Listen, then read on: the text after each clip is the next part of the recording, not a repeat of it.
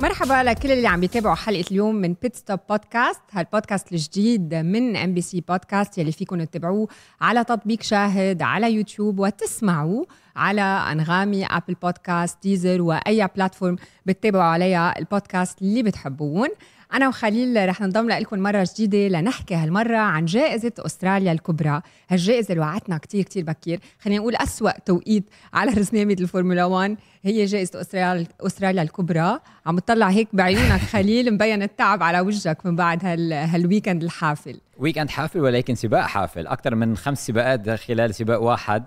جائزة أستراليا الكبرى بعتقد ما كنا متوقعين يكون فيها كل الحوادث اللي حصلت كل الأحداث اللي حصلت آه، آه، ثلاث انطلاقات عن خط البداية النهايه عودة خلف ال safety car كل شيء حصل على حلبة شوارع بالفعل. ما كنا متوقعين يحصل كل هذا الشيء لأنه عادة جائزة أستراليا الكبرى مثل ما كنت عم تذكري تحت الهواء إنه ما كانت جائزة اللي على طول تعطينا السباقات هي حلوة visually يعني أنا بلاقي إنه البرت بارك حلو كتير والسباق بيكون ما بشي يعني مع الجمهور الرائع يلي بحب كتير هال هال هالرياضة بما إنه من الأقدم على رزنامة الفورمولا 1 ولكن مايكل ماسي مدير السباق السابق بالفورمولا 1 يلي آخر مرة شفناه كان ب 2021 من بعد ال controversy الكبيرة اللي صارت وقتها بالفورمولا 1 رجع على أستراليا لأول مرة شفناه بال paddock وشفنا المصايب مع عودته. يمكن كانوا حابين يفرجوه كيف بيعملوا عمل أفضل ولكن ما بتصور عملوا عمل أفضل بهالجائزة الكبرى. بدنا نذكر مايكل ماسي ما عاد على الفورمولا 1 هو كان موجود ب paddock الفورمولا 1 لأنه موجود مع بطولة ال V8 Supercar ولكن ما خصه كان بالقرارات.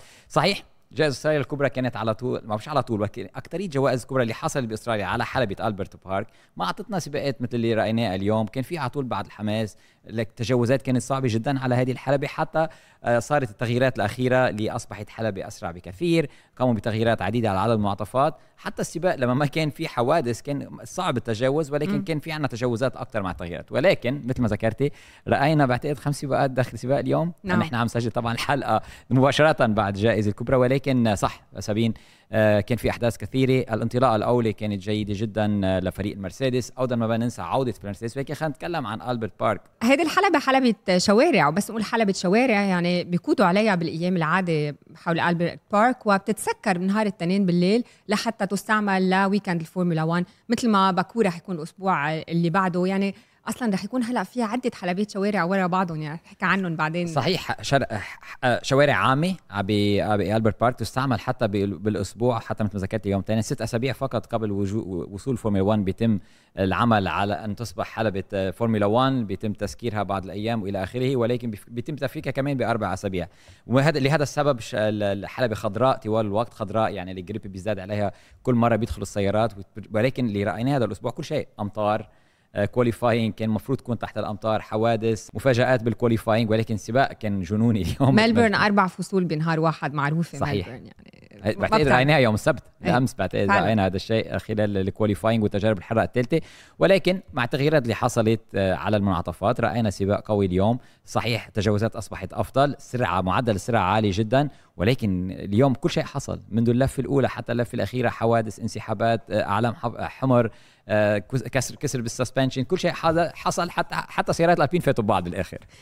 حرام الألبين ما بعرف من وين بدي بلش حرام بدهم يلوموا بعضهم. حرام ما بعرف من وين بدي بلش في كتير ناس اليوم بنهاية هالسباق آه صرنا نقول هيدا حرام وهيدا حرام وهذا ما كان بيستاهل. بس خلينا نبلش مع المرسيدس. بدي أب... إيه بدي أبدأ مع المرسيدس بدي أبدأ بالأول مع آه، عودة المرسيدس. يلي الكل حكيوا عنها من خلال ال qualifying كتار قالوا إنه مرسيدس قلتوا لنا إنه ما عندكم السرعة ولكن الظاهر إنه عندكم السرعة. خاصة ألونسو وساينز اثنيناتهم حكوا عن الموضوع. من وين جابوا هالتغيير مرسيدس؟ آه، مع ما في upgrades هيدا آخر فترة ألونسو فايت كثير على هاملتون والمرسيدس بال بال بال hammer time بس من جهة ألونسو.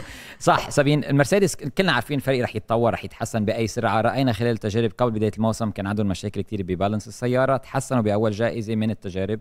تحسنوا بثاني جائزة شفناهم اقتربوا أكثر من فريق الأستون مارتن وتفوقوا على الأستون مارتن بجائزة أستراليا الكبرى.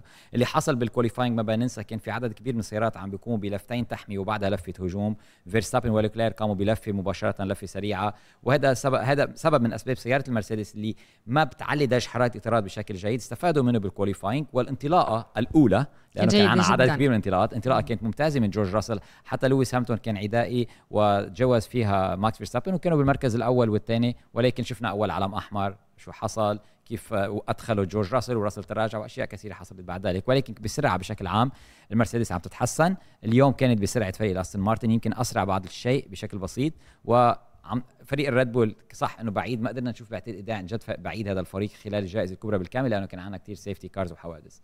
قبل ما نحكي عن ريد بول بدي أحكي عن لويس يلي حقق 17 بوديوم على 17 سنة متتالية. يعني كان عنده 17 بوديوم على 17 سنة متتالية بال career تبعه. هيدي ما حدا بعد حققها بين كل السائقين. يعني اليوم قد ما نحكي عن لويس هاملتون كان سعيد بالمركز الثاني كتير ولكن اليوم هال legacy اللي عم يتركها بتصور رح تكون رح تنحفر بالتاريخ أكيد. للأبد. لويس هاملتون من أسرع من دخل عالم الفورمولا 1 فيرستابن خلفه مباشرة كمان بالأرقام حاليا خاصة عم تزداد عدد السباقات خلال الموسم. ولكن لويس هاملتون رح من أفضل السائقين اللي أتوا إلى البطولة. حاليا مين عنده 100 فوز غيره؟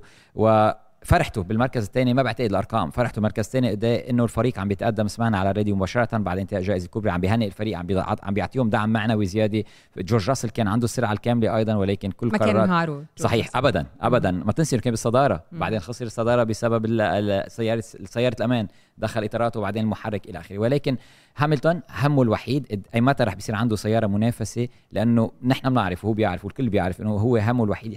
هل سيحصل على لقب ثامن لأنه بالنسبة له بأبو ظبي كان المفروض يكون لقبه الثامن ولكن على القلم والورقه ما عنده لقب ثامن. البوديوم كان حلو نتفرج عليه مع ثلاث أبطال عالم يعني مش كثير بنشوف عادة ثلاث أبطال عالم متى اخر مره على بوديوم. إيه. إيه أنا ما بتذكر أنت. أنا ما كان رايكونن ما بعرف على كل حال بنسال فراس يمكن. نسأل فراس لكن خلينا نرجع ننتقل لباقي الفرق. أه بدي انتقل لريد بول.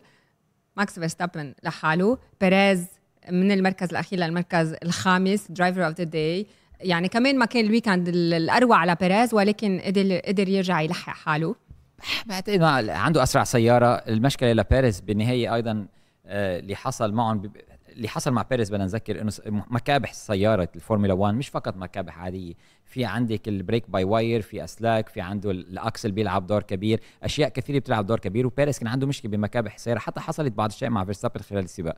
هذه المشكلة خلت بيريز يخرج من ال Q1 وعليه يكون هادئ لما يكون عندك سيارة ريد بول حتى ماكس فيرستابن ما كان عم بخاطر ما كان عم بياخذ الحدود لما شاف لويس هاملتون قريب منه فتح الطريق ما بدهم يخاطروا. عندك سيارة أسرع سيارة بتنتظر الفرصة DRS ممتاز وراح يتجاوزوا السيارات الأخرى بطريقة الجناح الخلفي بالسيارة وما خاطر بشكل كبير. لو كان ما بعتقد في safety cars وحوادث حصلت وتراجع على الانطلاق الاولى ثاني لا ما بعتقد بس كان راح يدخل ال top five على أكيد هو هو أصلا أنهى بال top five من دون أي بينالتي لأنه طبعا ساينز حصل على بينالتي بنهاية الجائزة الكبرى. ساينز قد بيستاهل هيك بينالتي ما بيستاهلها. صراحة حرام لأنه اللي حصل المدير السباق قال لهم إنه رح رح نلغي هذه الانطلاقة ونرجع نعود. طيب إذا أنت لغيت هالانطلاقة لا تعطي كارلوس ساينز بينالتي وبالفعل مثل ما ذكر ساينز على الريد بنتظر شوف ال data تبعي. خليني أنا أفسر وين كنت لأنه دخل منعطف ساينز. وما في مكان يروح. هذه سيارة فورمولا 1 مش سيارة عادي بتشيل وبده بده عم بينافس يعني أوكي حادثة سترول وشارل لوكلير كانت حادثة تسابق كانت تقريبا هي نفسها. بالحديث عن لوكلير لوكلير disappointment كل ال weekend يعني بتصور خيبة امل كل, كل موسم هلا حتى الآن الموسم السنة الماضيه السنة الماضيه كان بيعزه خلينا نقول بملبورن لوكلير يعني كان هو المتفوق بال championship كان عم ينطلق من المركز الأول عم بيفوز بالجائزة. وين صار هيدي يعني بالنسبة لكل المتابعين ومحبي فيراري أكيد عم بحسوا بخيبة امل اكبر وأكبر خلال هالموسم. بعتقد أسوأ انطلاقة لشارل لوكلير مع فريق فيراري من من ضمن للفريق. انطلاقة فيراري ما جيدة جدا. اليوم شفنا سرعة أفضل من الفيراري لأنه هذه الحلبة ما فيها تآكل إطارات كبير. شفنا كارلوس ساينز قادر يضغط أكثر يقترب من سيارة الأستون مارتن من بعد ما تراجع على المركز 11 بسبب التوقف والعلم الأحمر. ولكن ولكن من يعلم؟ لأنه لوكلير كان أسرع من كارلوس ساينز بال long run يوم الجمعة ويوم السبت. لهذا ما بعرف يعني إذا يوم السبت فقط actually بس لأنه صح انطلاقه الموسم سيئه جدا لشارل لوكلير انسحاب اليوم ما راح يساعده ولكن الموسم طويل. الانطلاقة ما قبل الأخيرة لأنه من بعد هالانطلاقه لحظة. الانطلاقة ما قبل الأخيرة يعني آخر لفتين. إيه أوكي. لما بقي اخر لفتين يعني, على يعني هيدي هي يلي صار فيها, كل الحوادث يلي هي صراحة حلوة كتير ومشوقة كتير لكل ال fans كانوا موجودين هناك بقلب واحد. أما exactly منعطف واحد ولكن روعة كانت visually خلينا نقول. يعني نحن كمتفرجين أكيد استمتعنا فيها. ولكن اليوم بس نحكي عن budget cap بالفورمولا 1 كل هالتكسير السيارات يلي صار. يعني أنت اليوم لو كنت محل مدير السباق شو كنت اتخذت قرار؟ أه هلا القوانين قوانين العلم الأحمر الأخير هو السؤال إنه ليه أعطوا علم احمر ما أحمر ما كملوا خلف ال safety car وانهوا السباق؟ وساعتها يمكن فريق هاس كان على البوديوم مع مع ولهذا السبب فريق هاس كان عم بيفكر دغري مباشرة بعد انتهاء السباق من من حط protest أو لا. ولكن خلينا نرجع على هذه الانطلاقة. قبل ما يوصل ماكس فيرستابن للمقطع الثاني يعني ما أنهى المقطع الأول كانوا already أخرجوا العلم الأحمر. هذا بالنسبة للاتحاد الدولي إنه العلم الأحمر خرج قبل الوصول للمقطع الثاني بيرجعوا بيردوا الانطلاقه على الترتيب السابق. بالفعل إذا كان في بج... الحوادث اللي حاصل فريق الألبين سيارتين حوادث كبيرة رح بتأثر. هذه هذه الأموال بتأثر كثير لاحقا على تطوير السيارة لأنه رح تذهب من أمام الفرق. عندك فرق كثير اليوم عندك ماجنسون كان عنده حادث نوعا ما كبير. عندك سيارتي الألبين بعد ذلك ألبون. ألبون. ألبون الحق عليه صراحة لأنه خرج عن المنعطف ما قبل ما المكان اللي صدم فيه على العشب وبعدها خسر السيطرة عن سيارته. إيه بس اليوم بالنسبة لغاسلي مثلا كان عم بيتابع اللفة الأخيرة ولما انسأل آه شو رأيك باللي صار؟ كان كثير معصب كان عم بيقول مش قادر أحكي واتفرج عليهم. هن وعم بيلفوا لفة أخيرة ورا ال safety car صحيح لأنه بالنسبة لغاسلي إذا أعطيته علم احمر آخر لفتين ردوا نتيجة لما كانت. ولكن عمل خطأ آه، أخر الكبح بشكل متأخر جدا. غلق خرج عن حدود الحلبة سيارات أخرى تجاوزته. ولما عاد ما كان شايف بعتقد عين زميله بالفريق اوكون وصادموا ببعض. بعتقد كان عليهم يعتذروا من بعض ويعتذروا من الفريق والميكانيكيين. ولكن آه، أسوأ شيء لفريق فورمولا 1 سيارتين تبع الفريق صدموا بعض وفعلوها. كلهم كلهم يحكوا قبل بداية الموسم إنه جاسلي وأوكون.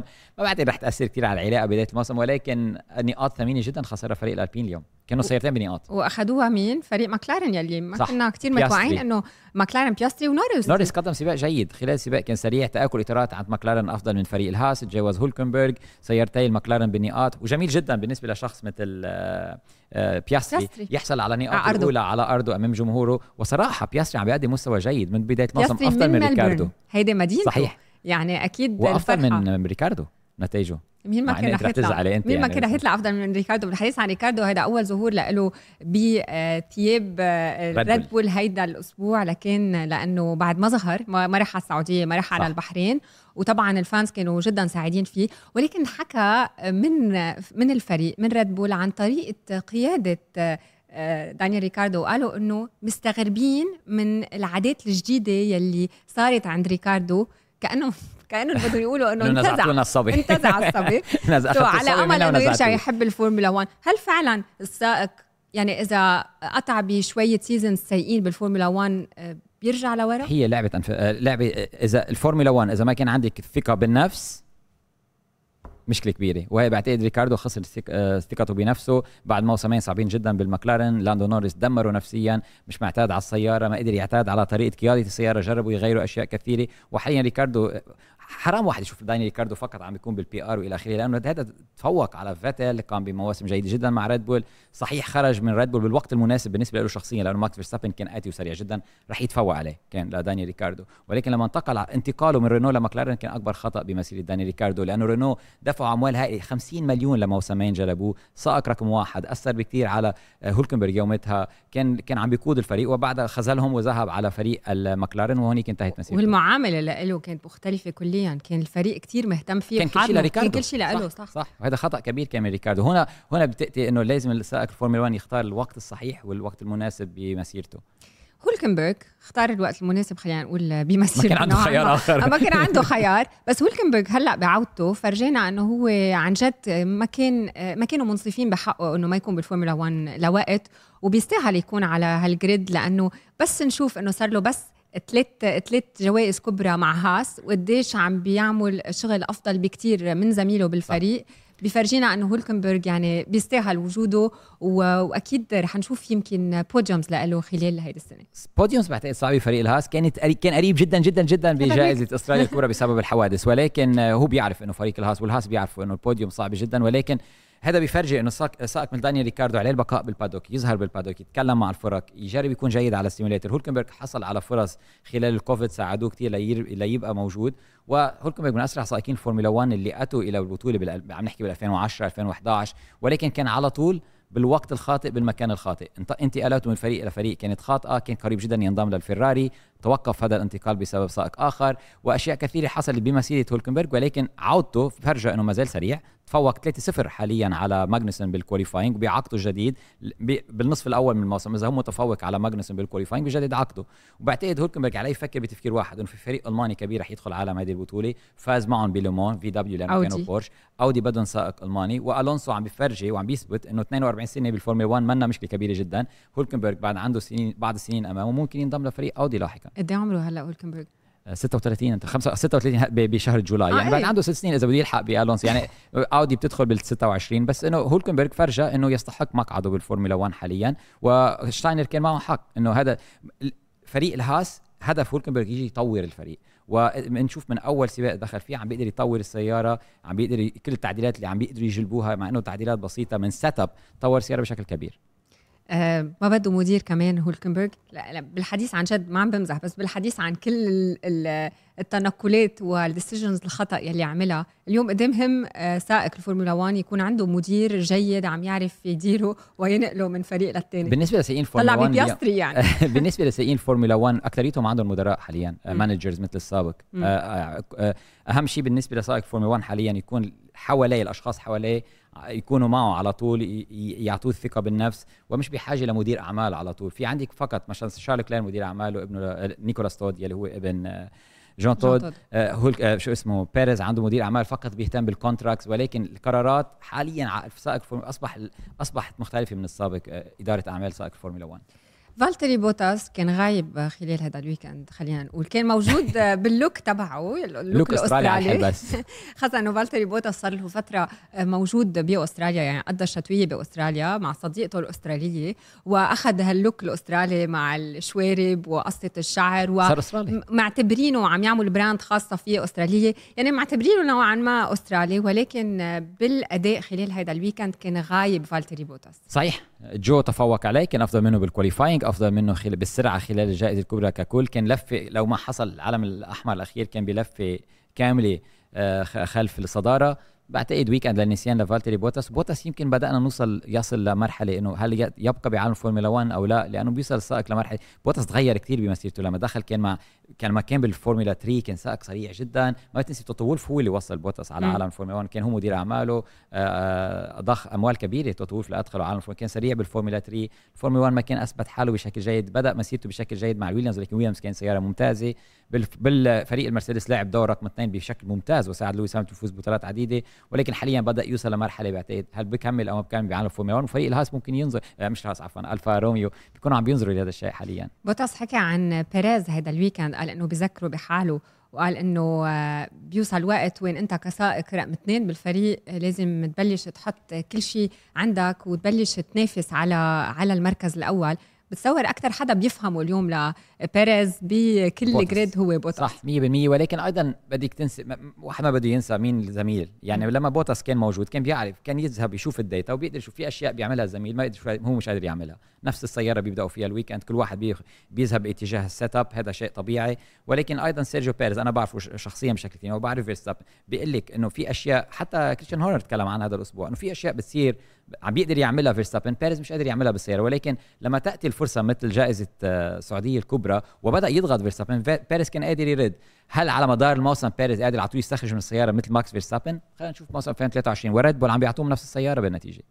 إيه طبعا أكيد. لكن بس بس بس سياسة الفريق معروفة عند ريد بول ما في حدا يعني معروفة عندك سائق ل 2028 وواحد ثاني كل سنة بسنة بيجددوا له تقريبا عقده. يعني تما ندخل بال detail تما ندخل بحبي تدخليني فيه بتفاصيل كل مرة كل مرة. أنا بقول هيك بركي بيطلع لي شوي شوي زيادة عن بيريز شوي زيادة عن عن هولكنبرغ ما يعني حكيت شوي معك عن قصة ال manager بركي بتخبرنا شي خبرية زيادة عن هولكنبرغ. ما زبطت. خلينا نقول آه، كل محبي الفورمولا 1 مستائين من هالقرارات اللي عم تطلع عامة بالفورمولا 1 يعني بالنسبة لكثير ناس اليوم قبل آخر لفتين ما كان لازم تصير كانوا لازم يخلصوا آه، آه، ورا ال safety car آه، كتار منهم مثلا حكيوا عن وين رجع بلش ماكس فيرستابن وال line تبع ماكس فيرستابن. وهل على فكرة هون ليش إذا فينا نشرح بس للمتابعين ليش ما كان لازم ياخذ بنالتي لأنه الإطار ما زال كان موجود على الخط الأبيض. لو م. أي قطعة من أو أو أو سنتيمتر من الإطار كان خارج الخط الأبيض لمس أرض الحلبة خارج الخط الأبيض كان بيحصل على ما بينسى انه في sensors أول ما يخرج عن الحدود ال sensor بيعطي علم لل race control مثل ما حصل مع اوكون بجائزة البحرين الكبرى وساعتها بيعطوه بينالتي كان على على القد ماكس فيرستابن موقف سيارته. مش متكلين على الكاميرات يعني ولا على عيون المشاهدين. في سنسر سنسر مباشرة بيعطي كل كل كل شبكة انطلاق أو كل خط أبيض عليه sensor أول ما تتجاوز السيارة رح يعطي معلومات وماكس فيرستابن كان داخل المكان الموجود فيه. ولكن القرارات الأخرى في قرارات كثير بداية الموسم. صحيح الأعلام الحمراء اللي حصلت آه، العلم الأحمر الأخير هل كان لازم يكفوا خلف ال safety car يمكن مدير السباق بيقول لك كان في قطع كثيره من السيارات. يمكن كانت تضرر السيارات تسبب ثقب هل لازم يكفوا؟ كانوا لفه ونصف خلف ال safety car يمكن نعم يمكن لا. ولكن قرار بيعود ال race control هو عنده قرارات بإيده race director. وهذا بهذه الطريقة اتخذ القرار. ومثل ما شفنا عادوا خلف ال safety car وانهوا بال, بال رجعوا عادوا قبل للترتيب اللي كان قبل البداية. يعني وهنا السؤال بيسأل نفسه ليش تعطي كم إذا أنت عدت بالترتيب ليه تعطي البينالتي لساينز ليه ما تنتظر؟ مثل ما ذكر أنا صراحة شخصيا بعتقد وبعتقد أنت بتوافقيني صح؟ على ساينز على ساينز حرام إنه ما المفروض المفروض ما كان ينعطى البينالتي بدك تعطيه بينالتي حطه تحت التحقيق واحكي معه واحكي مع ألونسو. ولكن إذا عدت أنت للترتيب اللي كنت فيه قبل العلم الأحمر ليه لا تعطيه بينالتي كخليل بشير بتلاقي إنه مدير السباق الحالي عم بيقوم بعمل أفضل من مدير السباق السابق. خلينا نرجع لمايكل ماسي. ما بدي أدخل بالتفاصيل اللي صارت بال أنا برأيي الشخصي بعتقد ماسي ما كان سيء ابدا كمدير سباق. طبعا okay اللي حصل بالسع... بال بجائزة أبو ظبي الكبرى بعتقد تأخر لياخذ قرار إنه سيارات تلف حول هيدا. ولكن مدير السباق الحالي بدك تعطيه وقت بعتقد عم بيتحسن. بس صراحة في قرارات اخذ اتخذها غريبة شوي.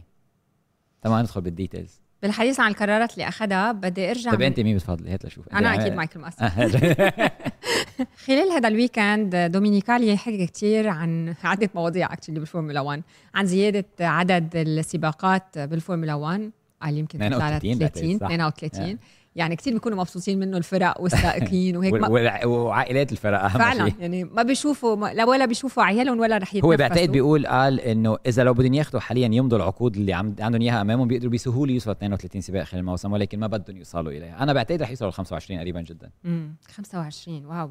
يعني already هيك ال calendar متعب جدا حلقة بودكاست. حبيت حبيت تفكيرك خليل.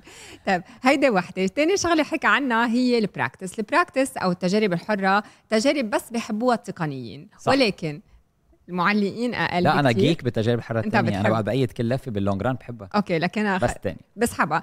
أنت بتحب التجارب الحرة. المشاهدين أقل بكثير لأنه بشوفوا السيارات عم بتدور وبيسمعوا شوي عن أشياء تقنية. هي مهمة تقنيا فعلا ولكن منا جدا محمسة لجمهور الفورمولا 1 so بده الناس تحضر فورمولا 1 أكثر نهار الجمعة ونهار السبت. وعم يقترح formats جديد هال formats بعض الفرق حابينهم وبعض الفرق لا. بداية I think رح يكون في test بباكو لهال format ال format الجديد عم بيقترحوه حاليا هو بال sprint race weekend sprint race مثل ما ذكرت لا أدخلوا ال sprint race إنه أو السباقات القصيرة إنه حماسي يوم السبت وجابوا جمهور والفورمولا 1 كإدارة نظروا على الأرقام وشافوا إنه جمهور ازداد يوم السبت بشكل كبير لما يكون في sprint race وخاصة السن الصغير لأنه السن الصغير أو عم نحكي أقل من 20 سنة ازداد بشكل كبير لأنه بحبوا السباقات القصيرة أكثر من الطويلة. على كل حال لنرجع لل sprint race. sprint race حاليا عنا تجارب حرة أولى يوم الجمعة مباشرة بعدها بدل التجارب الحره الثانية عنا qualifying ال qualifying بتحدد خط الانطلاق لسباق القصير يوم السبت ونتيجة أو ترتيب سباق القصير يوم السبت بتحدد شبكة الانطلاق الجائزة الكبرى يوم الأحد. واليوم السبت بدل التجارب الحرة الثالثة بيكون عندنا تجارب حرة ثانية هيدي صراحة هي اللي مضجره جدا. تجارب حرة ثانية كلها long run وما بتعني الكثير للجمهور. المقترح الجديد إنه يعملوا تجارب حرة أولى فقط تجارب حرة واحدة بباكو أو بالسباقات القصيره weekend سباق القصير يكون في تجارب حرة واحدة. qualifying للسباق القصير و qualifying للسباق الطويل. يعني qualifying يوم الجمعة qualifying يوم السبت وبصير يوم السبت كهو ال sprint day يعني qualifying للسبت وساعتها ال qualifying الثانية بتاعت شبكة الانطلاق يوم الأحد. ساعتها شو بيصير؟ كل السائقين بيضغطوا لأنه حاليا إذا أنا سايق فورمولا 1 بدي انتبه وين خلص سباقي يوم السبت لانطلق بمركز بمركز جيد يوم الأحد. بهذه الطريقة بيضغطوا ضغط كبير يوم السبت بيعطوا سباق قصير آخر. ولكن مثل ما ذكرتي الفرق بيقولوا له أنتم جايين تجربوا هذا الشيء بباكو. إذا حصل هذه حوادث كبيرة ممكن تحصل هناك. إذا الكل رح يهجم بسباق قصير مثل ما شفنا بأستراليا لما كل ما تقصري سباق كل ما يجنوا أكثر ورح تسبب حوادث وتاثر على ال budget cap ولكن ك format سباق بالنسبة للمشاهد بعتقد أفضل من ال format الموجود هلأ لل sprint race لأنه ال sprint race ما عم بيضغطوا في كثير سايقين إيه فعلا. إنه okay ال top 3 5 10 عم بيجمعوا نقاط ولكن طب إيه بس هو بس top 8 بيحصلوا على نقاط ولكن عم بيحافظوا على مركزهم ما في مخاطرة كبيرة. إذا إذا يوم يعني نهار السبت بيصير لحاله. صح sprint day هذا المفروض. الجمعة بتحدد لنهار الأحد كيف الانطلاق أو والسبت أو لحاله لتجميع النقاط إيه عم يفكروا أو qualifying السبت تعطي لنهار الأحد qualifying الجمعة ولكن لكل سباق سباق القصير سباق الطويل عندهم qualifying لهم يعني الناس اللي ما بيتابعوا فورمولا 1 already هن بيكونوا ضايعين. فهلا بس يصير. أي سبق أو أي نهار ما بقى رح يعرف. بدنا نذكر في ست جولات هذا الموسم فيها سباقات قصيرة من أصل من أصل 23 جولة. بداية باكو والباقيين. صحيح عندك بالبرازيل مثل عادي سبا فرانكورشان كمان وهذه سباقات هذا اللي كان عم يشتكي منه كريستيانو إنه حاطين سباقات ال sprint باماكن ممكن تسبب حوادث كبيرة جدا. باكو أصلا معروفة بالحوادث يعني بتصور ولكن ليبرتي ميديا بيهمهم ال show بيهمهم المشاهدة بيهمهم يرجعوا يعلموا المشاهدة لأنه موسم 2021 عليت المشاهده بشكل كبير. إذا بنتذكر هذا الموسم ما حط الفورمولا 1 press release شو هي كمية المشاهدة بعتقد خفت شوي بسيطرة ريد بول بيرجعوا يعلوها. هي business فعلا. أه خليل كمان الاشياء الحلوة عادة اللي بنشوفها بنهاية السباق هو لما الفريق وهذا أكثر شيء iconic بالفورمولا 1 صح هو صح. لما كل أفراد الفريق بيطلعوا على ال pit wall لحتى يسلموا على السائق الفائز ولا يقولوا له thank you مبروك وهو نفس الشيء له thank you اليوم هذا الشغلة انمنعت وقالوا إنه رح يصير في عقوبات. ليه عم بيصير هالاشياء بالفورمولا 1 يعني اليوم هيدا رح تزعج مين هيدي الشغلة؟ أو بتخد... بتسبب خطر على مين؟ بعتقد الميكانيكي اللي معربش على الكل وول. هذا القانون موجود. صار من 2016 موجود إنه ممنوع ولكن كان كانت الاتحاد الدولي مهون القصة وعم بيخلوا بعتقد اللي حصل بجائزة السعودية الكبرى إنه في عدد كبير من ميكانيكيي فريق الأستون مارتن صعدوا بشكل عدائي نوعا ما صعدوا. خايفين إنه حدا يوقع أو ي... ولكن قرارات الاتحاد الدولي أنا ما في ايد عليها كثير يعني. جائزة أذربيجان الكبرى هي جائزة أنا شخصيا بحبها كثير بتصير في باكو لا ما خص رحت على كثير غيرها. بس بحبها لأنه دائما full of action دائما بيصير فيها حوادث. هي هي حلبة شوارع وصعبة كتير وهيك بتحس السائق إنه عادة أفضل السائقين ب street circuits هن يلي بي بيعطوا أفضل أداء فيها. وفي gap كتير طويل قبل ما نوصل يعني في عنا ثلاث أسابيع لأنه بطل في جائزة الصين صح. الكبرى. بخلال هالثلاث أسابيع شو بيعملوا الفرق؟ قديش في upgrades بيقدروا يعملوهم قديش فيهم يحسنوا السيارة من هلأ لباكو؟ أه بعتقد هذا ال gap بيوصل وصل بوقت ممتاز لبعض الفرق مثل فريق المرسيدس فريق الفراري لاقوا حلول قد تعلموا من أول ثلاث سباقات. حلبة باكو مختلفه كليا بالمبدأ عن الحلبات اللي رأيناها حتى الآن. آه ال set up الموجود عليها. بعدين حلبات أخرى مختلفة جايين على برشلونة على على موناكو full downforce يعني بيعملوا على سيارات ياخذوا أشياء. طبعا هذا ال gap رح يعطيهم فرص يطوروا السيارات بشكل كبير. هل نرى side pod جديد على سيارة المرسيدس؟ هل فريق المرسيدس رح يجوا بتعديلات كبيرة مثل ما انتظرنا؟ فريق ريد بول قديه متبقي بالفعل بوقت على ال wind tunnel. قديه رح يطوروا هذه السيارة خلال الموسم. قديه رح يقدر يجيب تعديلات بباكو أو ينتظر للعطلة الصيفية. هنا تبدأ معارك استراتيجية بين الفرق أي متى يدخلوا تعديلات ولكن الفرق اللي بالخلف رح تجيب تعديلات كبيرة. ما أنا بعتقد بباكو رح نشوف upgrades آه، كبير على جميع السيارات. ونبدا نرى قطع مختلفة على السيارات لأنه عم ندخل قسم مهم من الموسم. سباقات خلف بعضها رح بتكون وحلبات مختلفة بتتطلب downforce منها لا وأجنحة جديدة. شو بتتوقع بباكو بالنسبة لأداء الفرق عامة؟ باكو هي فرص, فرص كبيرة. مثل ما شفنا اليوم بأستراليا باكو بتعطي فرص أكثر حوادث قد تحصل safety cars سباق على طول جنوني كل شيء ممكن يحصل خاصة ما عندك ال sprint race آه سباقين بباكو وعندك نقاط بال sprint race بعتقد آه خلينا ننتظر ال upgrades بس على المؤكد بباكو على طول بتعطينا مفاجآت. عندك أي حادث بباكو رح يدخل safety car أي حادث بباكو رح بيدخل علم أحمر. أشياء كثيرة قد تحصل. أنا بعتقد الريد بول رح بيضل عندها advantage بباكو لأنه خطوط مستقيمة طويلة DRS ممتاز حتى الآن على السياره السؤال قدر رح تقترب منها الفرق الأخرى؟ بالحديث عن ريد بول في حدا كان حاط على الإنترنت إنه إذا ضلوا ماكس فيرستابن على هالحالة عم بيفوز بكل السباقات وهذا اللي عم بيجربوا يعملوه. من هلأ لزاندفورت فيكون خلص البطولة. وبعدين على أرضه. يعطي يعطي السيارة لدانيال ريكاردو وهو يروح ما راح تصير. هيدي بس اللي اللي, عنده فرصة بعتقد بباكو فريق فيراري. محرك جيد على طول بي عنده نتائج جيدة بباكو. انسحبوا الموسم الماضي من الصدارة ولكن آه، مع المحرك الجيد تأكل إطارات منه كبير بباكو. هذا شيء بيساعد فريق الفيراري وبدنا نشوف إذا رح يتقدم لأنه فريق فيراري حتى الآن ما صعد على البوديوم. ابدا. بداية عندهم فعلا عندهم سيئه فصير عنده موسم طويل. بده وقت. مدير هلأ جديد أكيد مش حق على أكيد مش حق على لا أكيد, أكيد يعني. أكيد طبعا. ولكن بده وقت بده ولكن رح بيكون في بعد بعد شهرين من الآن رح بيزيد الضغط كبير على فريدريك فاسير. وما بعرف كأنه شارل لوكلير نفسيا تعبان حسته يعني بتحسوا آه، عم يعملوا أخطاء أكثر بكثير من السنين اللي قبل؟ بعرف إنه بالسنين اللي قبل كنا عم نحط كل الوقت الحق على ال strategist بفراري على الإدارة بفراري على القرارات. ولكن هالمرة عم حس إنه لوكلير عم بيقوم بأخطاء أكثر أكثر يعني ال quali ما كانت رائعة بالنسبة له ال quali أخطأ فريق فراري بعتقد. ما أعطوا كانوا خايفين من الأمطار واخرجوا لكلير وقالوا مباشرة لفة سريعة ما حطوا وقود كافي بالسياره للفتين. هذا اللي حصل. بس بعتقد لكلير بيعرف كيف يعود بد... لازم على طول الفريق لازم يبني الثقة لل driver يعني إذا للسائق. وه... وهذا المهم يعني حاليا من بعد خيبة أمل أول ثلاث جولات gap طويل واحد بيقدر يعمل reset بيقدر يشوف قد عم تطور سيارة على ال simulator وعلى نتيجة وحدة بتغير كل شيء. نتيجة جيدة للكلير ممكن تغير الموسم بالكامل. ما زلنا بأول ثلاث جولات عندنا 20 جولة. ما انتهى الموسم. في كثير بيقول لك خلص هذا الموسم انتهى فيرستابن رح يفوز بكل شيء. كلنا بنتذكر قد إيه تطورت المرسيدس الموسم اللي فات. وهذا الفريق ما بننسى فريق ريد بول أقل فريق على ال wind tunnel صحيح عندهم advantage سيارة ممتازة. يمكن مش بحاجة ليكونوا على ال wind tunnel والسيارات الأخرى. ولكن ما زلنا بداية موسم. انسحاب واحد. بتتذكري موسم 2016 انسحاب آه، لويس هاملتون بانفجار محرك بماليزيا. تقريبا هو أعطى الفوز بالبطولة العالم لروزبرغ. كل شيء ممكن يحصل بالفورمولا 1 لكن بانتظار نتائج جائزة أذربيجان الكبرى اللي رح تصير بباكو بعد ثلاث أسابيع. نحن رح نرجع نطلع عليكم بحلقة جديدة من بيت ستوب بودكاست لنحكي أكثر شو صار بوقتها. شو رأيك خليل؟ 100% بانتظار جائزة أذربيجان الكبرى وبعتقد الحلقة الجاية رح بتكون مليئة بالأحداث مثل ما حصل بأستراليا. شكرا لحسن المتابعة.